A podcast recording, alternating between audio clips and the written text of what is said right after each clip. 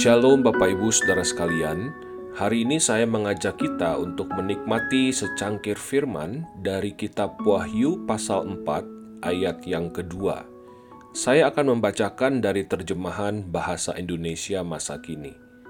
Dengarkanlah firman Tuhan.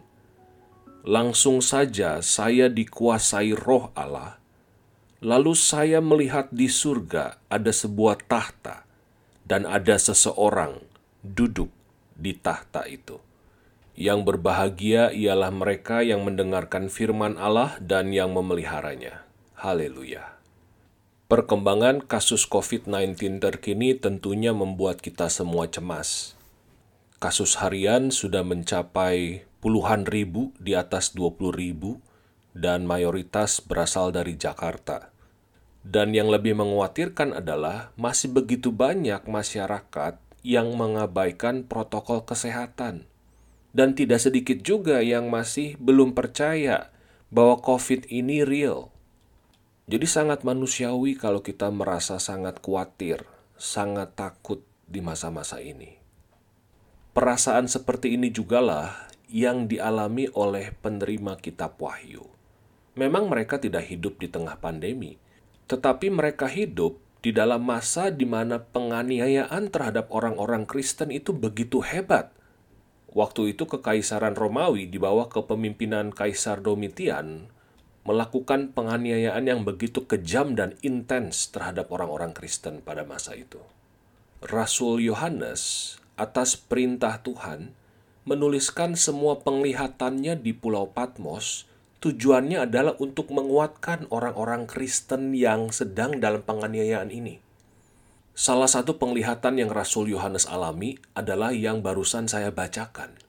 Rasul Yohanes melihat ada sebuah tahta di sorga dan ada seseorang yang duduk di sana. Tahta itu tidak kosong, ada yang duduk di sana. Ada yang pegang kendali di tengah segala penganiayaan hebat yang dialami oleh orang-orang Kristen pada waktu itu, Rasul Yohanes mengajak mereka untuk melihat, lihat ke sorga. Di sana di tahta itu ada yang duduk. Tahta itu tidak kosong, ada yang pegang kendali. Sekalipun kamu merasakan hidupmu seolah sangat keotik, sangat tidak terkendali, tetapi sesungguhnya lihat, ada yang pegang kendali. Tentu kita tahu yang duduk di tahta itu adalah Tuhan. Tetapi menarik sekali untuk memerhatikan, Rasul Yohanes tidak menggunakan kata Tuhan di sana. Tetapi dia gunakan kata seseorang. Ada seseorang yang duduk di sana. Saya merenungkan kenapa ya Rasul Yohanes menggunakan kata seseorang dan dia tidak saja sebut itu adalah Tuhan saya berpikir mungkin karena Tuhan itu melampaui semua kata-kata yang bisa dia ucapkan, dia bisa jelaskan. Terlalu mulia, terlalu agung, beyond our descriptions. Makanya Rasul Yohanes hanya bisa berkata, ada seseorang yang duduk di tahta itu. Sosok yang duduk di tahta itu melampaui kata-kata. Sosok yang memegang kendali itu bisa melakukan hal-hal yang melampaui akal pikiran manusia. Di tengah situasi COVID yang semakin mencekam, semakin mengkhawatirkan saat ini, inilah juga yang perlu kita lihat. Lihat, ada yang duduk di tahta itu.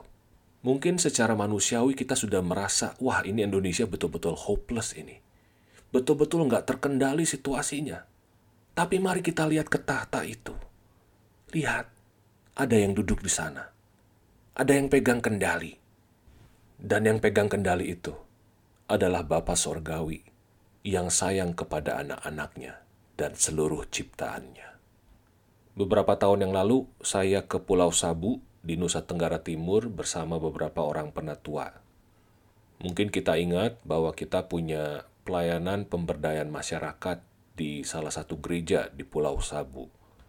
Pulau Sabu ini adalah pulau yang kecil dan juga pulau yang cukup terpencil. Sebagai gambaran, di sana itu hanya ada satu pom bensin untuk seluruh pulau Sabu. Dan juga yang namanya pusat kota di sana, itu adalah satu jalan kecil. Panjangnya hanya sekitar kira-kira dari perempatan Gang Aut sampai ke restoran Golden. Nah, sepanjang itulah itulah pusat kota. Sehari sebelum kami pulang, kami itu diajak untuk mengelilingi Pulau Sabu. Selama perjalanan, kebanyakan jalan itu tidak beraspal. Jalanan berbatu. Mayoritas perjalanan kami itu melalui padang gersang sekali. Kering, kosong. Gak ada orang yang tinggal di sana. Dan tidak ada sinyal. Saya ingat betul selama perjalanan Beberapa kali saya itu berpikir, gimana ya? Ini kalau waktu jalan, itu kan jalan-jalannya bukan beraspal. Lalu tiba-tiba mobil ini menginjak batu tajam, bannya pecah. Lalu apa yang akan terjadi pada kami? Nggak ada penduduk di sana, sinyal pun nggak ada. Gimana juga kalau ternyata ada binatang buas ketika mobil kami mogok? Sepanjang perjalanan juga kayaknya kok ini nggak nyampe-nyampe gitu ya. Lalu ini kan nggak ada arahnya ya, nggak ada petunjuk arah. Mau ke kiri, mau ke kanan. Tidak ada rambu-rambu lalu lintas sedikit pun, tidak ada lampu, tidak ada penerangan. Saya tuh berpikir, ini kalau kita bisa pergi, bisa pulang kan nih? Jangan-jangan kita bisa pergi, pas pulangnya kita nggak tahu jalan pulang. Apa yang bisa membuat saya tenang pada waktu itu? Ketika saya mengingat, ada yang pegang kendali di balik setir mobil dan yang pegang kendali adalah orang yang memang sangat menguasai daerah itu. Meskipun saya sama sekali nggak tahu arah, tetapi saya bisa yakin, tapi saya bisa yakin bahwa kami akan sampai pada tujuan dan pulang dengan selamat, karena saya percaya pada orang yang memegang kendali setir mobil itu. Di tengah situasi bangsa kita yang amat sangat tidak menentu, sangat mencemaskan, sangat mengkhawatirkan.